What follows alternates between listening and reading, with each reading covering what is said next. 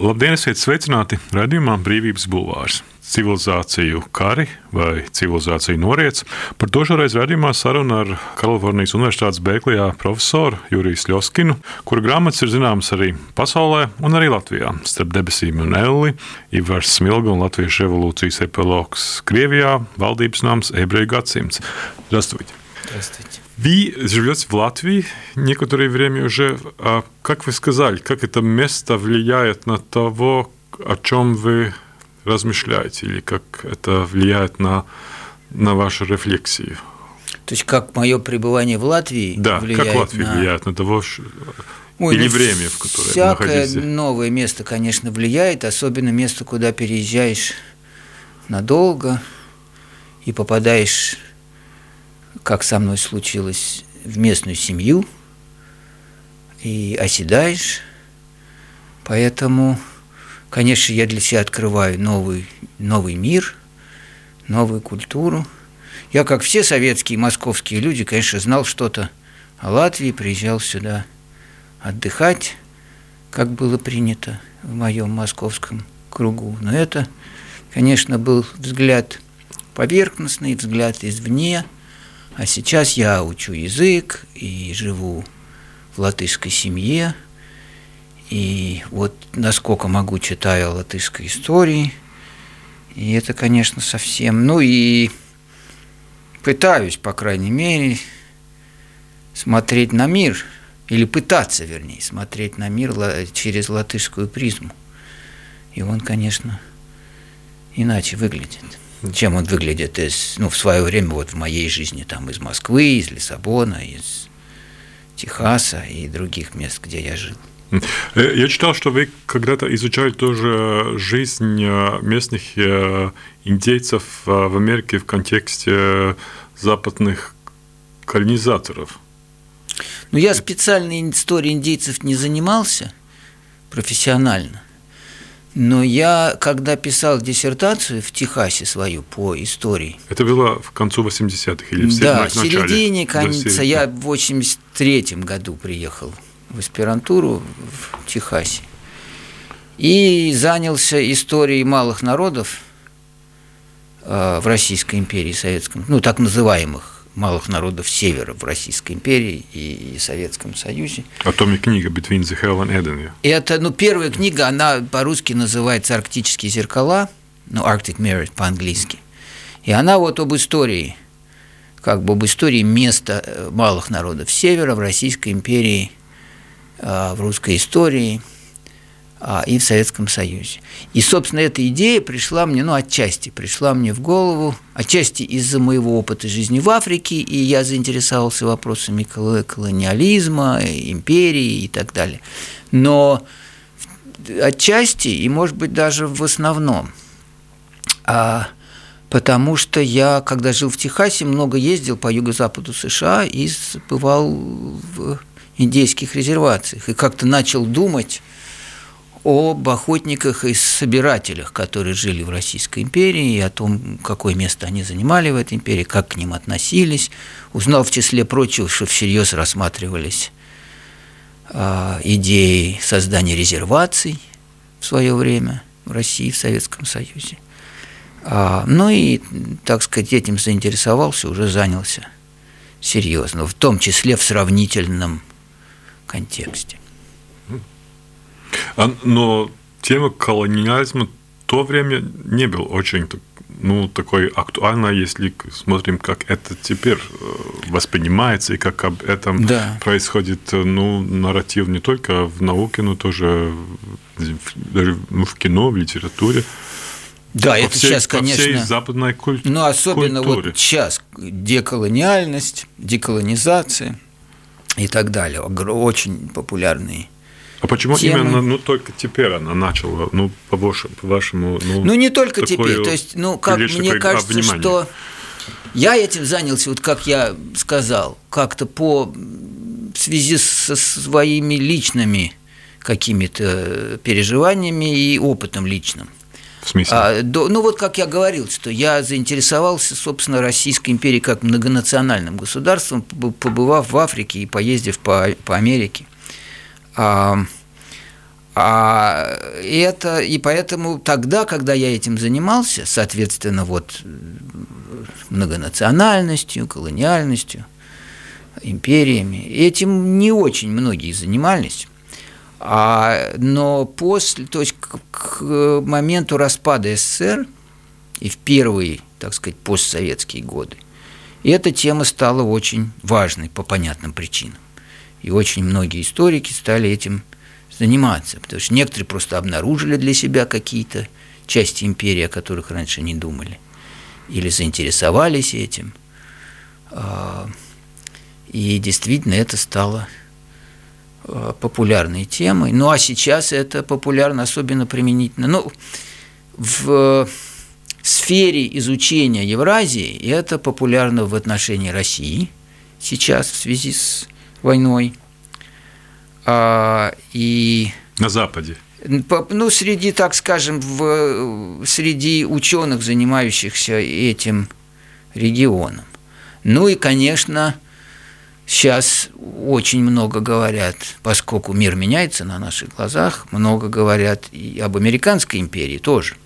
И о том, в каком смысле она империя, и на что она похожа, и как она функционирует, функционирует, и близится ли она к закату или нет. Ну так, так что эта тема, мне кажется, в связи с кризисом а, мирового порядка как-то естественно становится важной.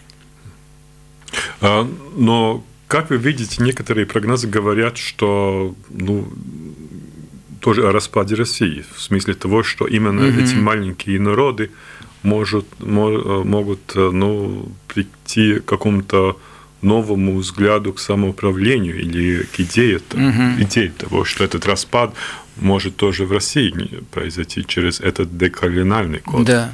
Нет, об этом много действительно говорят. Я, честно говоря, не вижу никаких признаков этого. То есть реально в России, насколько я могу судить, я не вижу для этого серьезных предпосылок. Мне кажется, что это пожелание – некоторых. Вы писали, что Siberia has no history of independent political existence. Это, это я писал? Да. Ну, нет, ну так, а понятно, что очень много стран в мире не имели истории отдельной, отдельного политического существования, а потом ее приобрели. Мы живем в стране, которая среди народа я живу, который много веков жил без отдельного политического существования, а потом его приобрел, вот мы недавно праздновали День независимости. То есть э, то, что чего-то не было, не значит, что этого не будет. А, но в сегодняшней России я не вижу реальных каких-то движений, которые были бы потенциально источником серьезных попыток э, отделения и так далее. А почему? Потому что какой-то тоталитарный режим, о котором это новый не разрешают тому развиваться, потому что, ну, в каком контексте я смотрел ваш разговор с политологом Иваром Крастевым, который происходил год назад в Берлине, угу, и Вене, вы да. раз, э, раз, э, размышляли о теме э, ну, всеобщая культура, которая есть какая западная культура, но есть какая всеобщая культура, в которой, или цивилизация, в которой мы все находимся. Тоже Россия находится в этом в этой культуре. Но почему такие ну, тенденции, как эта деколонизация, влияет на нарратив или размышления в Америке или в Европе, но совсем не касается России. Почему? Где Нет, подожди, я не уверен, что мы с вами об одном и том же говорим. Конечно, разговоры о судьбах империи касаются России. И, наверное, в основном, когда речь идет о э, упадки империи. Сейчас говорят, очень многие говорят о России. Но э, это не значит, что э, наличие национальных групп, национальных автономий автоматически ведет к национально-освободительной борьбе. Это иногда бывает, иногда не бывает. И э, Советский Союз как система, как государство, как империя все-таки не распался в результате э, национальных движений.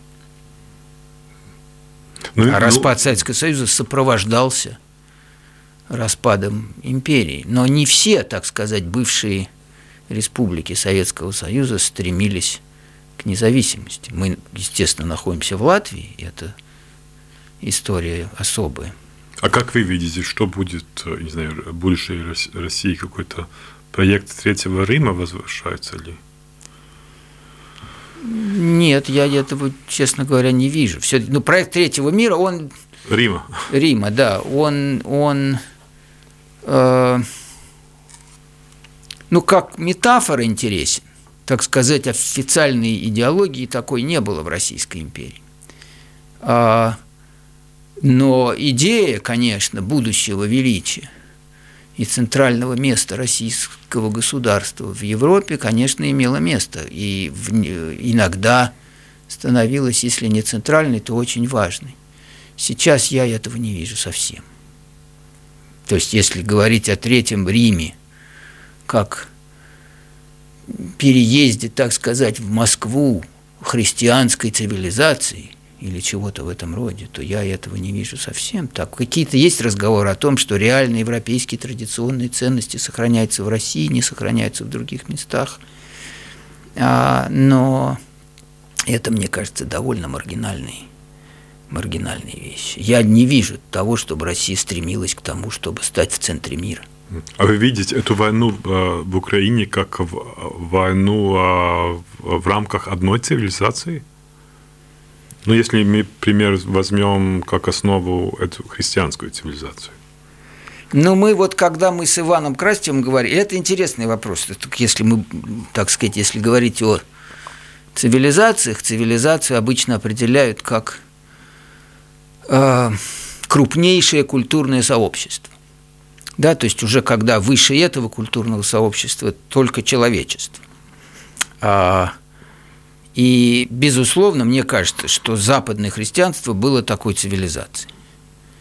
Православный мир можно называть цивилизацией, а можно и не называть отдельной цивилизацией, а, потому что он был гораздо менее компактным, в нем было гораздо меньше единства, гораздо больше фрагментаций, чем в латинском христианстве. То есть, ну и по разным самым причинам понятно, что это старый, старый как бы э, дебат о том, следует ли относить Россию к какой-то общей христианской цивилизации – или православная цивилизация как-то связана с западной, или она не вполне цивилизация, поскольку не было общего сакрального языка, не было общей интеллектуальной элиты, как было с латынью и западной интеллигенцией в течение тысячи лет, то как быть? А в другой, с другой стороны, Россия, конечно, огромное государство, огромная империя, которая, в том числе и сейчас, как-то заявляет о себе как об отдельной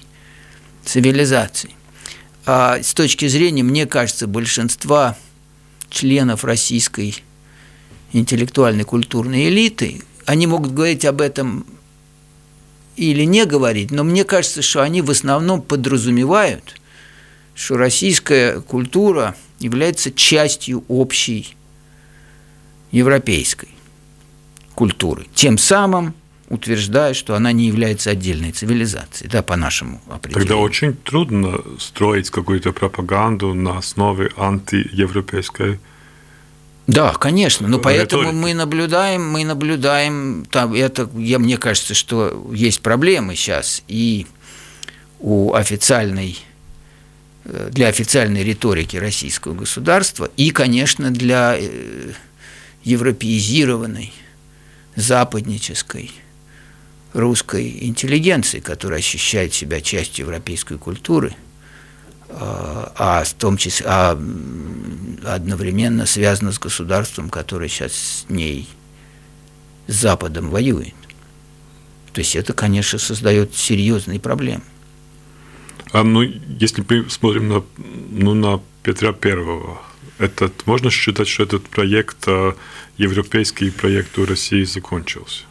В смысле, проект, который начался с Петра? С Петра? Да. Ну, не, не, не знаю. Э, Не знаю. Я слышал, конечно, такие теории, но не уверен, не думаю, что это так. Но вы тоже сам говорили, что это Европа и, и Россия – это какие-то антиподы. Ну, не антиподы, у них разная история. И Россия, особенно российское государство, Именно конечно, после, играло а, особую ну, роль. когда началась война в Украине, это же ну, стало ясно, что это, э, эти, эти, это приближение невозможно какое-то, ну, даже большое время впереди, если мы смотрим. Но опять же, вот когда, например, произошла революция а, Октябрьская, и в России пришли к власти 105, большевики, 105 лет назад, да. то тоже был разрыв. Но интересно, что произошел разрыв политический, разрыв идеологический. А, Европа, капиталистический мир в целом, который представляла Европа и Северная Америка в первую очередь, э, стал врагом. Началась впоследствии холодная война, ожидали войны и так далее. Но этот разрыв идеологический, политический не означал разрыва, не повлек за собой разрыва цивилизационного. То есть, иначе говоря, в Советском Союзе, даже в сталинские времена, в разгар сталинской эпохи, а, читали, причем читали не просто там, не украдкой, а читали с невероятным энтузиазмом, упоением на официальном уровне, полуофициальном уровне, дома читали европейскую литературу. Образование означало чтение Шекспира, Гёте, э, Диккенса. На первом съезде советских писателей в каком-то смысле идеологический манифест новый, вот Сталин, нового сталинского государства включал в себе призывы учиться у Шекспира, Гёте и Данте, а, Бальзака и так далее. То есть противостояние геополитическое и в случае большевиков идеологическое, не обязательно противостояние цивилизационное. И э, в данном случае причин для этого в чем-то, я не знаю, чем это кончится, но причин еще меньше – потому что идеологически тогда было реальное идеологическое противостояние. Большевики создавали новый мир, нового человека, э, новый тип государства, как они считали. Да? Сейчас Россия ничего этого не делает. Россия не заявляла о том, что она какой-то новый мир. Э, поэтому э, другое дело, что это так видится многим. И мне кажется, что для российской элиты это действительно невероятной важности и трагизма перелом. И Но... они таки видят это как борьбу добра со злом. Но это, не, так сказать, особый взгляд на вещи. Ну, вы тоже в своей книге «Дом правительства» писали о такой революционной элите или да. послереволюционной да. элите э, э, Советского Союза. А если смотреть на судьбу той элиты или и э, есть видите какие-то совпадения с той наш, элиты э, ну, той России, которая теперь. Ну, даже если мы знаем, что там было 2500 жителей в этом доме правительства, вы писали, что 800, около 800 арестовали в 1937 году и, и около половины с этих 800 э, расстреляли, или они э, погибли в каких-то лагерях. Угу. Ну, я цифр, честно сказать, да. не помню. Ну, я посмотрел сегодня, Но... да. Но... Но я думаю, есть какое-то ну, сравнение той элиты, которая была тогда, с той элитой, которая ну, да. около Э, Путина наши дни. Но и я здесь, когда... и есть какая-то угу. ну, возможность, или некоторые уже говорят, что это 37-й год уже начался, только ну, признаки другие. Ну, я так совсем не, не, этого не вижу, так не считаю. Но и у, у нас, когда я говорил об элите, Я говорил о людях, которые, многие из которых сейчас уехали из России. Люди, которые были как бы были западниками в России, люди, которые были наследниками поздней советской, антисоветской, в значительной степени еврейской, западнической элиты, и сейчас они в тяжелом положении находятся. А большевики были победителями поначалу, да, они совершили революцию, строили новый мир, построили новое государство, потом пали жертвой этого государства. То есть, если сравнивать, то тогда надо сравнивать большевиков с людьми, которые не уехали из России в знак протеста, а которые остались в ней и ее сейчас строят. Но тут все-таки огромная разница, потому что большевики, как я сказал, были революционерами, строили новый мир. А элиты, которые сейчас в России, они нового мира не строят. Э, нет никакого проекта э, всемирно-исторического, нет никакого желания э, что-то создать совершенно новое.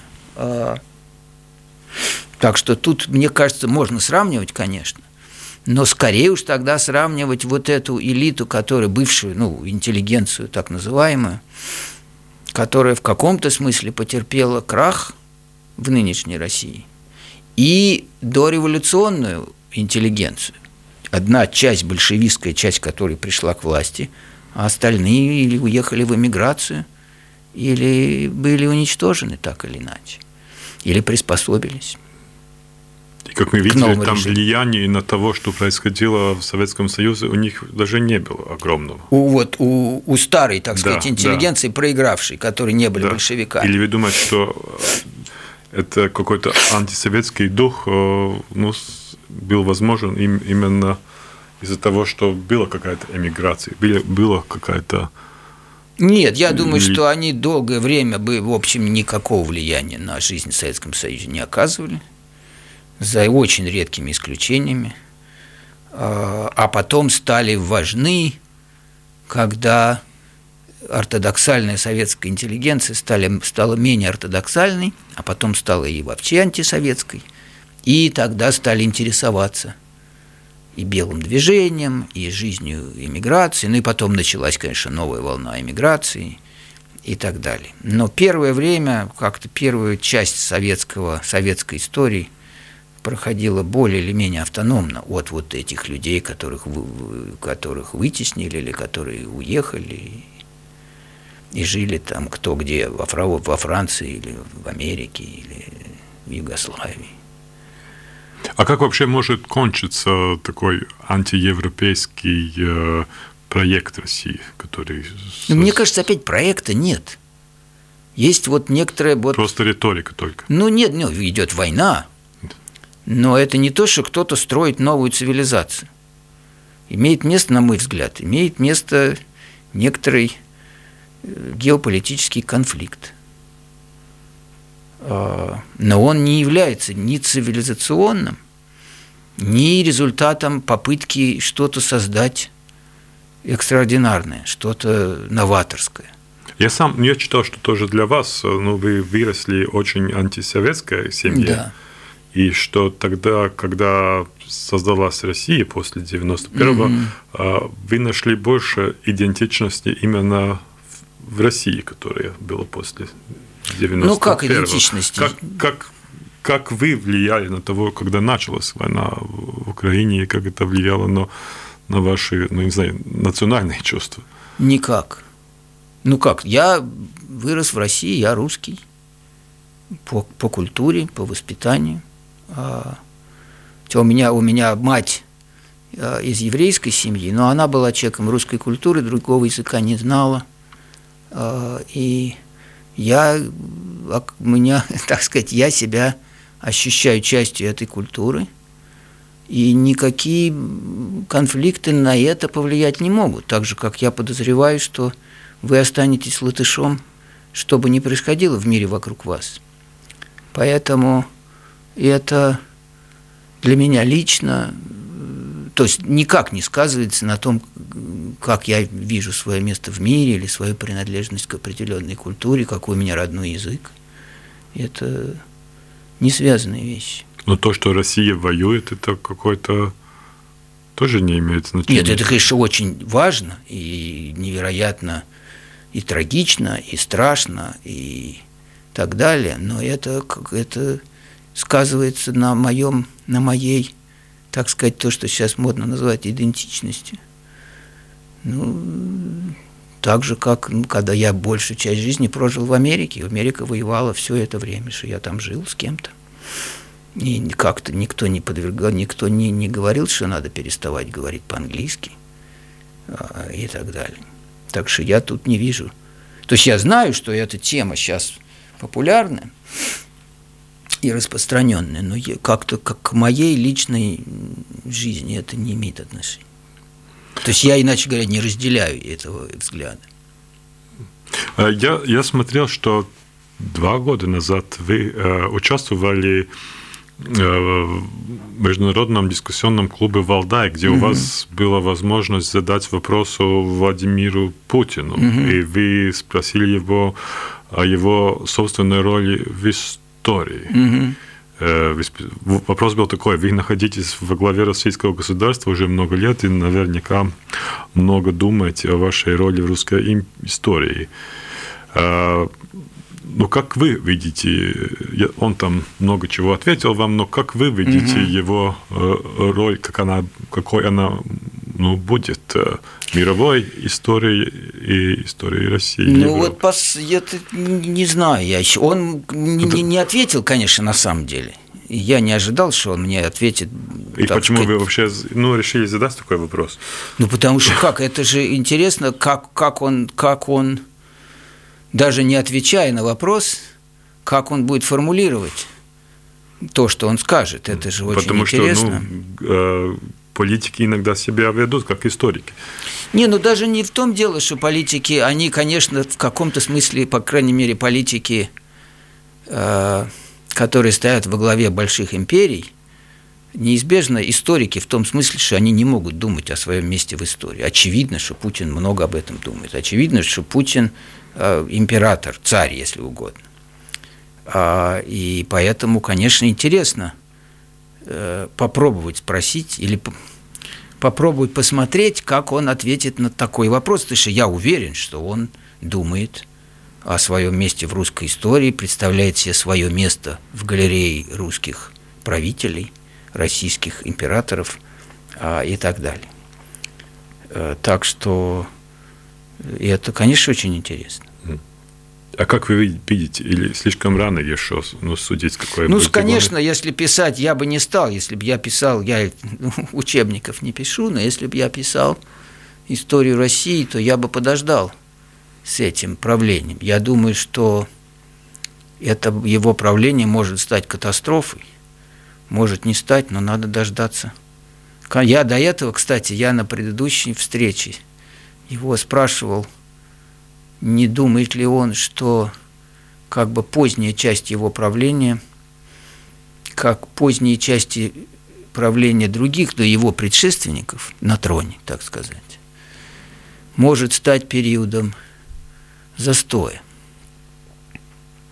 А, и он ушел от ответа на этот вопрос – и более того, я еще тогда же спрашивал, не думает ли он, что в, в истории, в учебнике по русской истории глава, которая последует за главой о правлении Путина, будет называться «Смутное время». Но он, поскольку нет ни порядка наследования, ни совершенно непонятно, кто и как, каким образом станет его, его наследником, его преемником, вернее, у власти а, – то, то есть, ну, пос, посмотрим.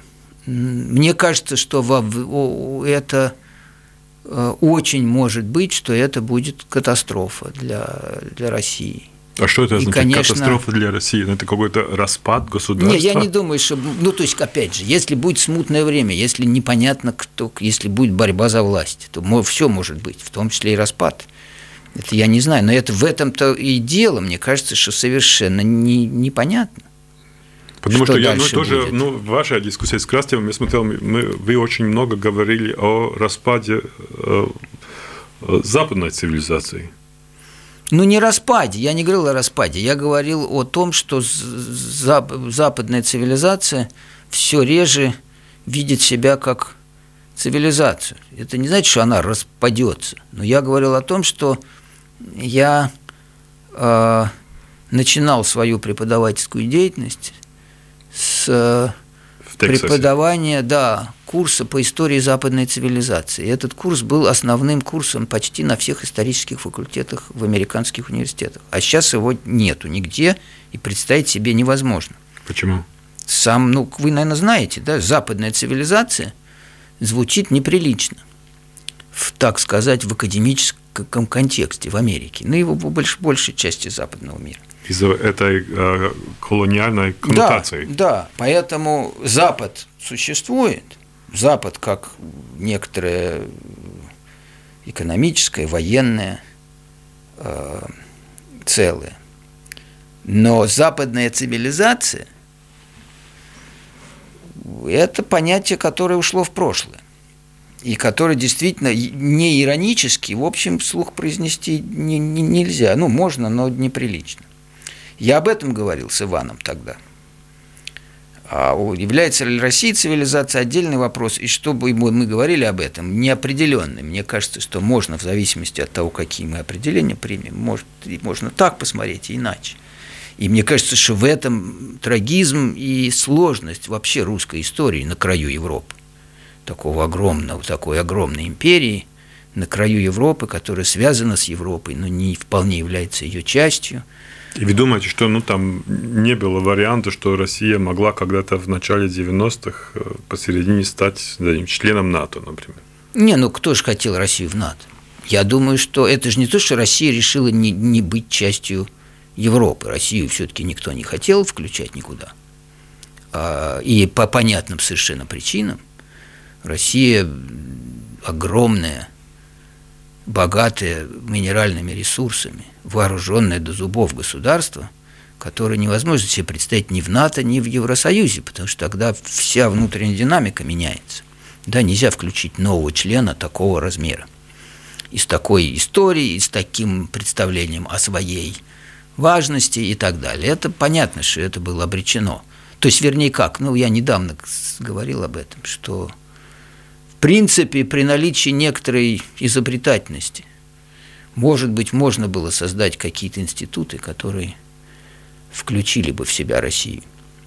Но этого сделано не было, и поэтому как-то вот постепенное вот это э, путь к столкновению стал неизбежным. Ну, было ведь там всякие Г8, Г12, 20, там, встречи лидеров. Да, нет, мира, встречи но... лидеров это полезная, конечно, вещь, но нужны, нужны институты. То есть нужна как то, что вот сейчас модно называть архитектурой безопасности. Да, какие-то институты, какие-то, где, частью которых Россия могла бы быть. Так что, иначе говоря, попробовать создать что-то такое. А вы думаете, что западные страны не были заинтересованы в том, что Россия входит э, архитектуру безопасности 21 века? Не были, конечно. Это, то есть, иначе говоря, как-то я не вижу никаких, а, не, не, не вижу никаких доказательств этого.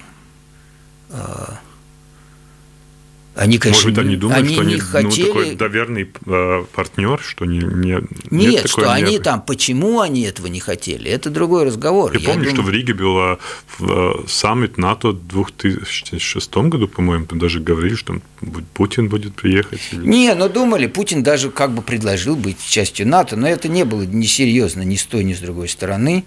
И НАТО расширялось все-таки против России. Понятно, что зачем Латвия вступала в НАТО чтобы ее защищали от России. Это же понятно, все остальное расширение НАТО было против России. Это понятно и рационально. Но понятно, что у этого также есть последствия. И думать, что война в Украине – это последствия этого. Ну, это, конечно, в, в чем-то последствия. Это не единственная причина, но это, конечно, очень важная причина. Это геополитический конфликт. А, и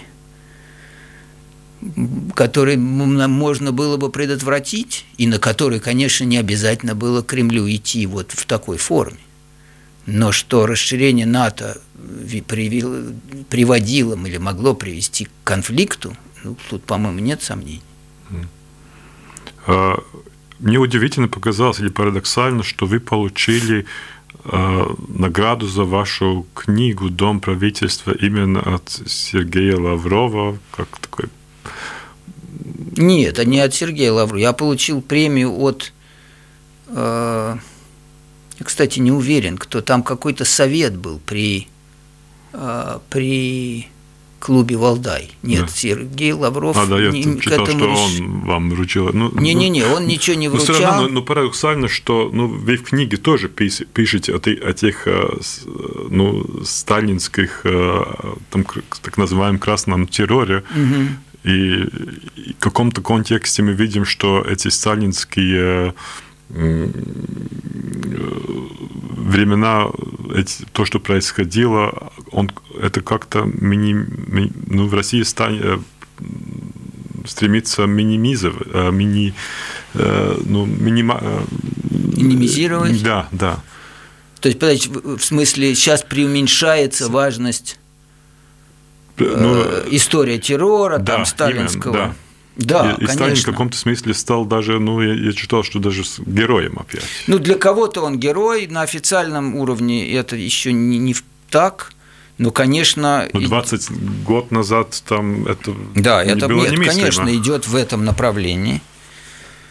А, и есть силы сейчас в России, которые очень в этом заинтересованы, и которые а, выступают за возвращение памятника Дзержинскому э, на, на Лубянке, памятников Сталину, за реабилитацию Сталина.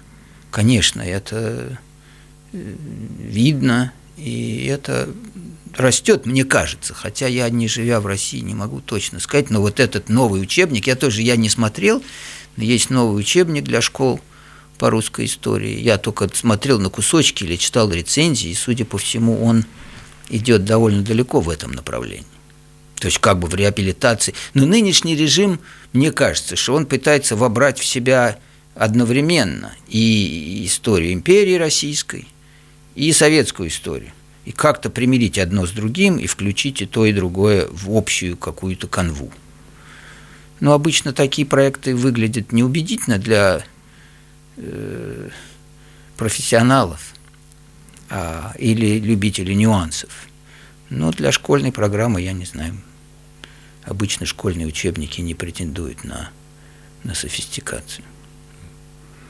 А почему ну, невозможность каких-то демократических э, тенденций в России, по-вашему? Не, ну Это тенденции принцип, есть. Принципиальная невозможность. Я не знаю насчет принципиальной невозможности, но очевидно, мне кажется, что в России действительно история авторитарного, большого, централизованного бюрократического государства – это невероятно важная часть русской истории. И мы сейчас наблюдаем новый, новый вариант очень старого и очень знакомого явления. А, и значит ли это, что, что другой типа режима невозможно? Нет, конечно потому что ну, все нынешние демократии раньше демократиями не были. А, и так что, как вот мы говорили... Ну, можно, как мы знаем, в Германии импортировали. Да, ну можно, ну опять же, не, не все можно импортировать. Да, вот ту же демократию привозят в самые разные места, где-то приживается, где-то нет, а где-то функционирует эффективно, где-то совсем не функционирует. Где-то называется демократией, но таковой не является в каком-то важном смысле. Не знаю. Но, конечно, тот факт, что у России такая история, значит, что есть некоторый, некоторая инерция, значит, что есть некоторая политическая культура, есть некоторые представления о власти, о сакральном, об авторитете и так далее, очень многих разных вещах. И все это имеет значение и влияет на на настоящее и будущее. Но, с другой стороны, как всегда, это не является приговором. Так что, ну вот как мы говорили, что какой-то жил народ, никогда не думал, как вот латыши, что у них будет государство. А потом создали государство. А, или а, была, была Германия без демократии, стала демократией. Ну, так можно сказать, собственно, про все ныне демократические либеральные государства, которые до этого не были ни демократическими, ни либеральными. То есть я, опять же, я про будущее не знаю. Но, конечно, у России есть некоторые традиции.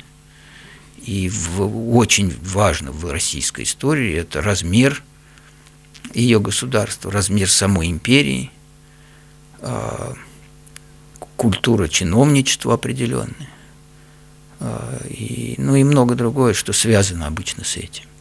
И с отношением людей, и с отношением даже не граждан, в основном в России граждан же не было, были подданные. Отношение подданных к государю-императору, к чиновничеству – к государственным институтам, в том числе армии а, и так далее.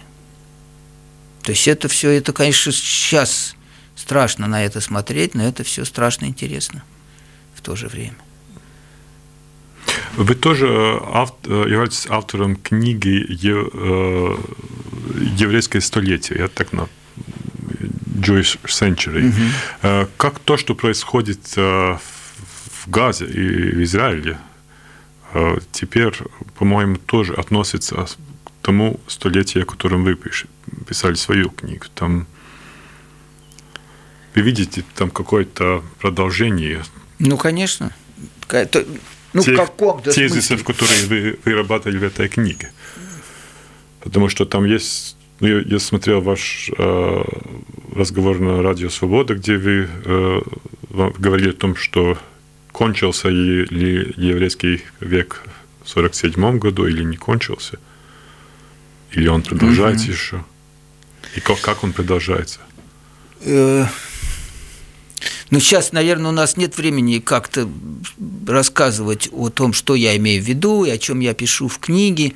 Но если очень кратко, то распад традиционной еврейской жизни в черте оседлости, еврейской жизни, как мы ее знаем, потому как она протекала, скажем, в Двинске и Люцине, среди прочих мест, а распад этой жизни привел к трем, ну, среди прочего, к трем паломничествам, так сказать, массовой миграции, как физической, так и духовной евреев э, в столицей Российской империи и в дальнейшем в новое советское государство, в котором, в истории которого они сыграли огромную роль, Палестину, где они строили новое национальное еврейское государство, и в Америку, ну, грубо говоря, в разные другие страны, но в первую очередь, конечно, в Америку, а, в мир либерализма где не было ни национального еврейского государства, ни попытки вообще отменить нации как в Советском Союзе.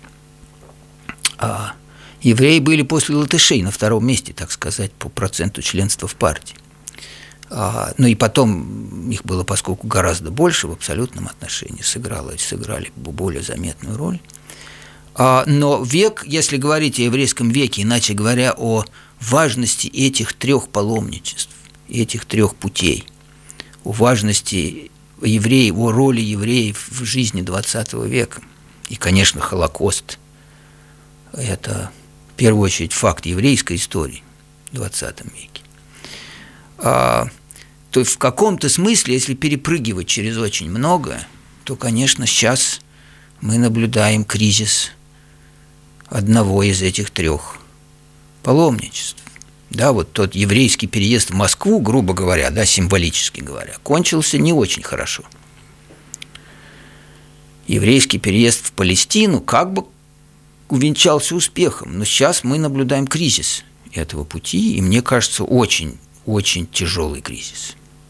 И, и это в этом смысле... А почему интеллектуалы в Западе не знают, как на это реагировать. Потом мы можем наблюдать какой-то ну, некоторые смутную реакцию. Да, некоторые знают. Я вот смотрю в Фейсбуке.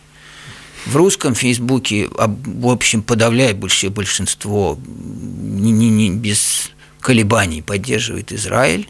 Я вижу в латышском тоже, ну, то что, немногое, что я вижу в латышском Фейсбуке. Есть люди, которые очень сильно и как бы последовательно стоят на позиции Израиля. Но в целом на Западе, конечно, сейчас в этом смысле нелегкое положение. Почему? Ну, потому что традиция существует по, по понятным, мне кажется, причинам историческим и политическим поддерживать Израиль. Но новое поколение Там ценности нас... человеческих прав и так далее, и так далее. Ну да, есть потом новое поколение, вообще как бы оно выросло уже без э, места Холокоста в представлении о мире. Не так, не столь центрально и важно сейчас для нынешней молодежи, чем оно было для их родителей. Важность Израиля и восторг от победы его в шестидневной войны, что было важным фактом в жизни многих родителей нынешней молодежи, тоже для них не, не, не играет роли. А что они видят, это что они, иначе говоря, думают о евреях не как жертве Холокоста, и, победи, и как бы Давиде победителе большого страшного Голиафа. А они видят Голиафа. То есть там у них есть другие причины, есть причины, по которым палестинское движение популярно в определенной идеологической среде левой, но мне кажется, что в самом, так сказать, базовом смысле есть государство вооруженное, и есть война, которую оно сейчас ведет, а, и смотреть на то, что сейчас происходит, и болеть за Израиль, но это можно, многие это делают, как я сказал, но это не, не всем легко. Понятно. Спасибо. Это был Юрий Слезкин, профессор э, Калифорнийского университета в Беркли. Paldies jums! Paldies!